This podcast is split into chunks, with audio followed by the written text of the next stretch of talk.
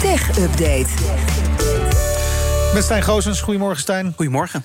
Uh, Amerikaanse TikTok-verbod is nog nooit zo dichtbij geweest als nu. Ja, vannacht is namelijk uh, de nieuwe Restrict Act door het Amerikaanse congres gekomen.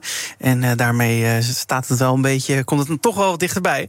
De wet die moet het, die is heel algemeen trouwens. TikTok komt daar helemaal niet in voor. Dus je zou bijna denken, hoezo TikTok-verbod? Mm -hmm. Maar het idee is dat het gemakkelijker moet worden voor de Amerikaanse regeringen om een buitenlandse technologieën en bedrijven van buiten de VS te verbieden om in Amerika zaken te doen. Uh, het gaat dan om technologieën en bedrijven uit landen als China, Cuba, Iran, Noord-Korea, Rusland. Dus landen waar de overheden vaak toch te veel macht hebben over het bestuur van bedrijven.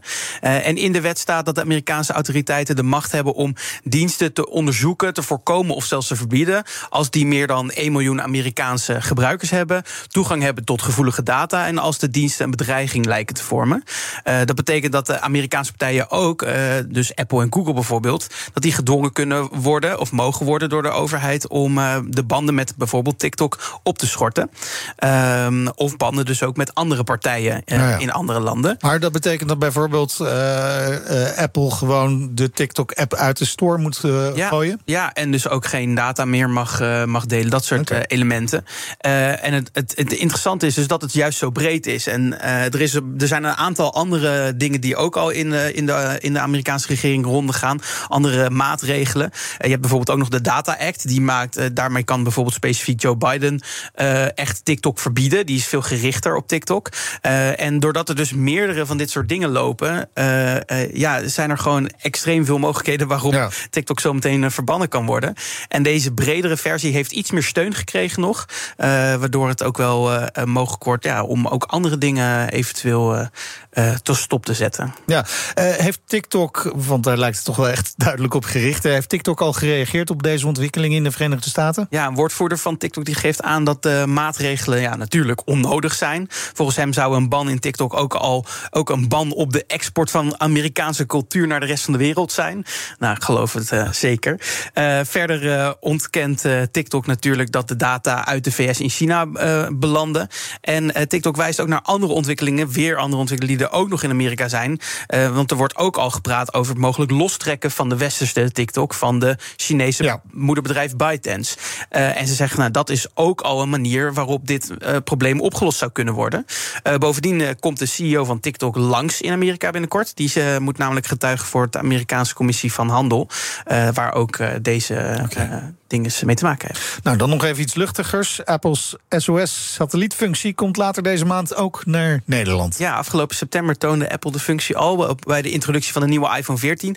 In de nieuwe iPhones zit namelijk een nieuwe satellietantenne. Ja. Die bij nood zorgt voor contact met hulpdiensten. Tot nu toe was die dienst enkel alleen nog beschikbaar in een aantal geselecteerde landen in Europa, dan bijvoorbeeld Duitsland en Frankrijk. En daar komen nu dus de Benelux, Italië, Oostenrijk en Portugal bij.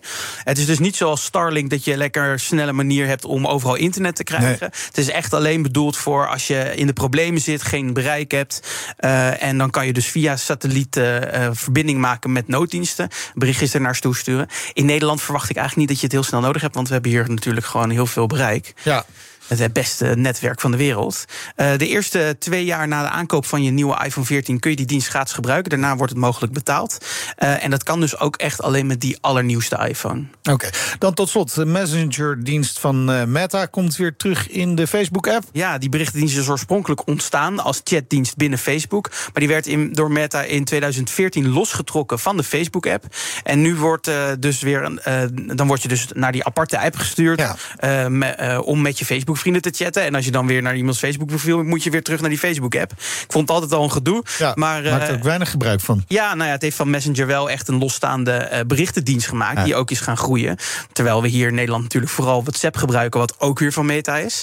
Uh, Meta schrijft nu dus uh, dat ze testen om die mogelijkheid weer naar de Facebook app terug te brengen. wanneer dat dan gebeurt is nog niet duidelijk. het is overigens in diezelfde blok waar mijn collega Joe het gisteren ook over heeft. daarin probeert Meta nog even te laten zien dat Facebook springlevend ja. is en het allemaal geen problemen heeft. Gisteren kwam namelijk ook het nieuws naar buiten dat uh, Meta mogelijk duizend mensen opnieuw gaat ontslaan deze maand. Uh, en uh, Meta heeft daar natuurlijk heeft dat liever niet dat we het daarover nee. hebben. Dus die heeft dan wat andere koekjes waar we op kunnen knagen. waaronder dus dit Messenger nieuws. Dankjewel, Stijn. De BNR Tech Update wordt mede mogelijk gemaakt door Lenklen. Lenklen. Betrokken expertise, gedreven resultaat.